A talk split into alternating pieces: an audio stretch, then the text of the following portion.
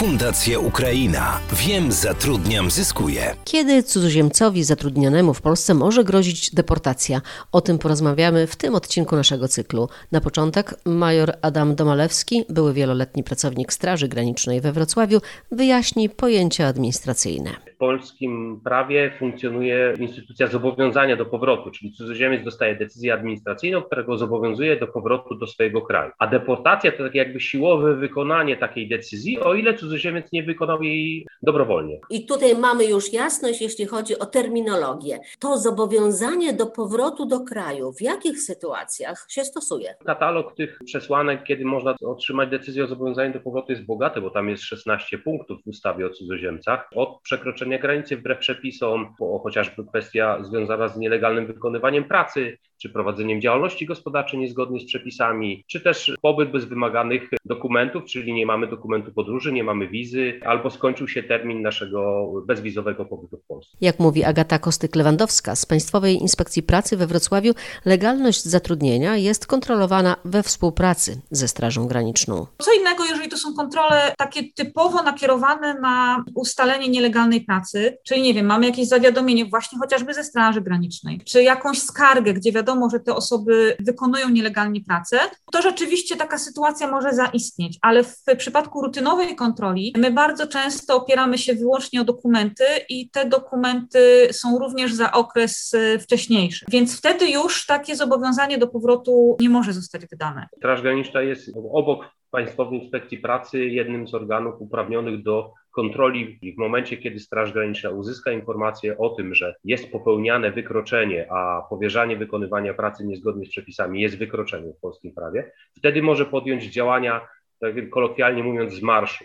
Czyli powiedzmy, jest budowa, ktoś podchodzi do funkcjonariusza, mówi, tam w tym i w tym miejscu wykonują pracę nielegalnie cudzoziemcy i wtedy Straż Graniczna ma prawo wejść na taki teren i przeprowadzić kontrolę legalności zatrudnienia celu właśnie przeciwdziałania popełnianiu wykroczeń. To są częste sytuacje? Tak, bardzo dużo kontroli jest podejmowanych w związku z tym, że Straż Graniczna uzyskuje informacje o tym, że gdzieś może być powierzana cudzoziemcom nielegalnie praca. To są przeważnie anonimowe informacje. Myślę, że czasami wynikają one z kwestii jakiejś konkurencji, bo chociażby rynek firm budowlanych jest dosyć rozbudowany i tam bardzo często na jednej budowie jest 15, 20, 30 podwykonawców, no i różne interesy tam się zderzają. Tylko też musimy odróżnić dwie rzeczy: nielegalne wykonywanie pracy, a nielegalne powierzanie pracy. To są dwie różne rzeczy, czyli za nielegalne wykonywanie pracy jest karany cudzoziemiec, za nielegalne powierzanie pracy jest karany pracodawca.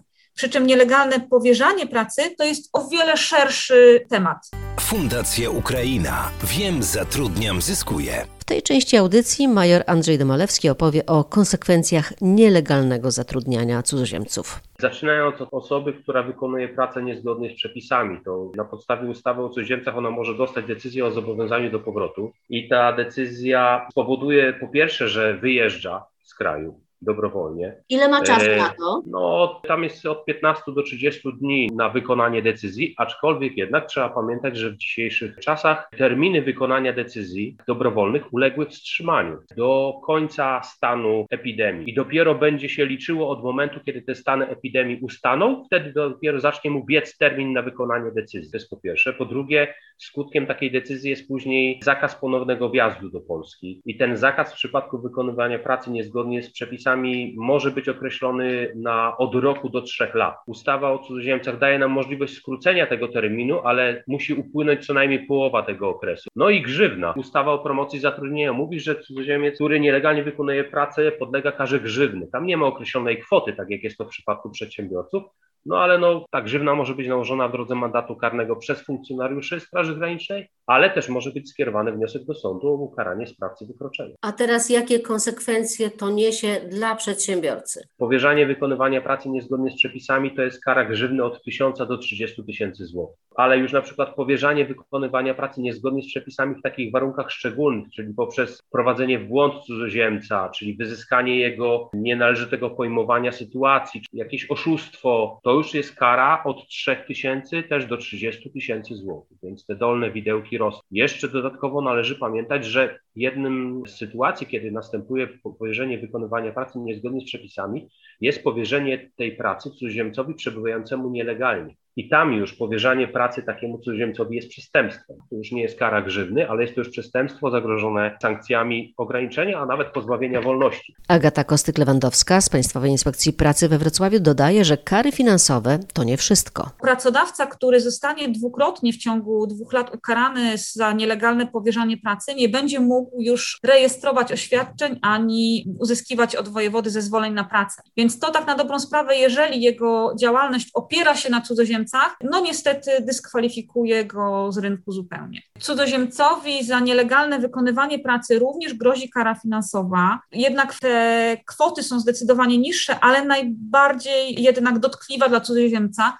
będzie właśnie decyzja zobowiązująca do powrotu. Dlatego ważnym jest, żeby cudzoziemcy, którzy pracują na oświadczeniach, również zadbali o to, by ta praca była wykonywana w takich warunkach, żeby się nie dawali jednak dać namówić pracodawcom, że nic się nie stanie, jeżeli ty popracujesz w tym miesiącu dwa razy dłużej, bo niestety mogą za to ponieść bardzo dotkliwe konsekwencje. Jak unikać błędów przy zatrudnianiu cudzoziemców już na etapie rekrutacji? O tym w tej części programu opowie Anna Michałowska z Agencji Pracy Tymczasowej EWL. Pracownik musi wiedzieć, że jeżeli on nie dostanie umowy zawartej w formie pisemnej, bo takie są wymogi, czy to jest umowa o pracę, czy umowa cywilnoprawna, jest też przedłożeniem do tego, że jest to zatrudnienie nielegalne w rozumieniu prawa i ta umowa musi być przedstawiona mu w języku dla niego ojczystym lub zrozumiałym. Musi być to umowa na piśmie. A jak to w praktyce wygląda? Wy jako agencja zatrudnienia weryfikujecie to właśnie przed jakby sformalizowaniem czy sfinalizowaniem umów? My w szczególności weryfikujemy tą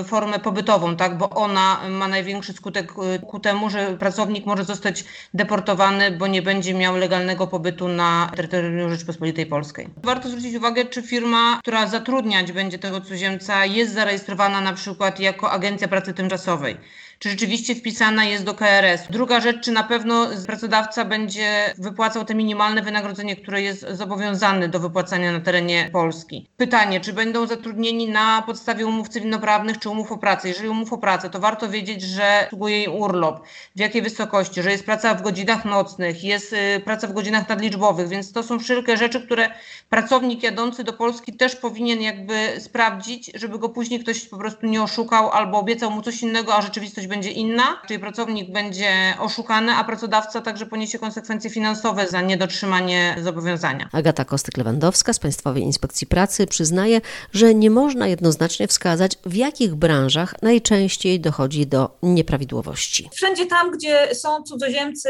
z krajów trzecich, oczywiście najbardziej dotyka to tych cudzoziemców z tak zwanej wielkiej szóstki, czyli tych, którzy mogą pracować na oświadczeniu, ale oni są w każdej branży. U nas jest to oczywiście budownictwo, ale też również przetwórstwo przemysłowe, gdzie ci cudzoziemcy są kierowani z agencji zatrudnienia. Ta rzesza cudzoziemców, która jest kierowana przez agencję, jest bardzo duża, ale głównie jest to przemysłówka i jest to budowlanka wszędzie tam, gdzie ci cudzoziemcy pracują na tych robotniczych stanowiskach, bo już trudno jest, znaczy o wiele trudniej jest znaleźć nielegalnie pracującego cudzoziemca pracującego na wyższym stanowisku. Czy jest realne takie tłumaczenie pracownika, że a ja nie wiedziałem? Gdzie znajomość prawa szkodzi i tutaj nie ma dyskusji. Oczywiście jest możliwość, żeby cudzoziemiec uniknął kary, jeżeli wykaże, że został wprowadzony w błąd i jeżeli pracodawca za to wprowadzenie w błąd zostanie ukarany. To rzeczywiście ustawa o cudzoziemcach pozwala na uniknięcie wydania tej decyzji zobowiązującej do powrotu,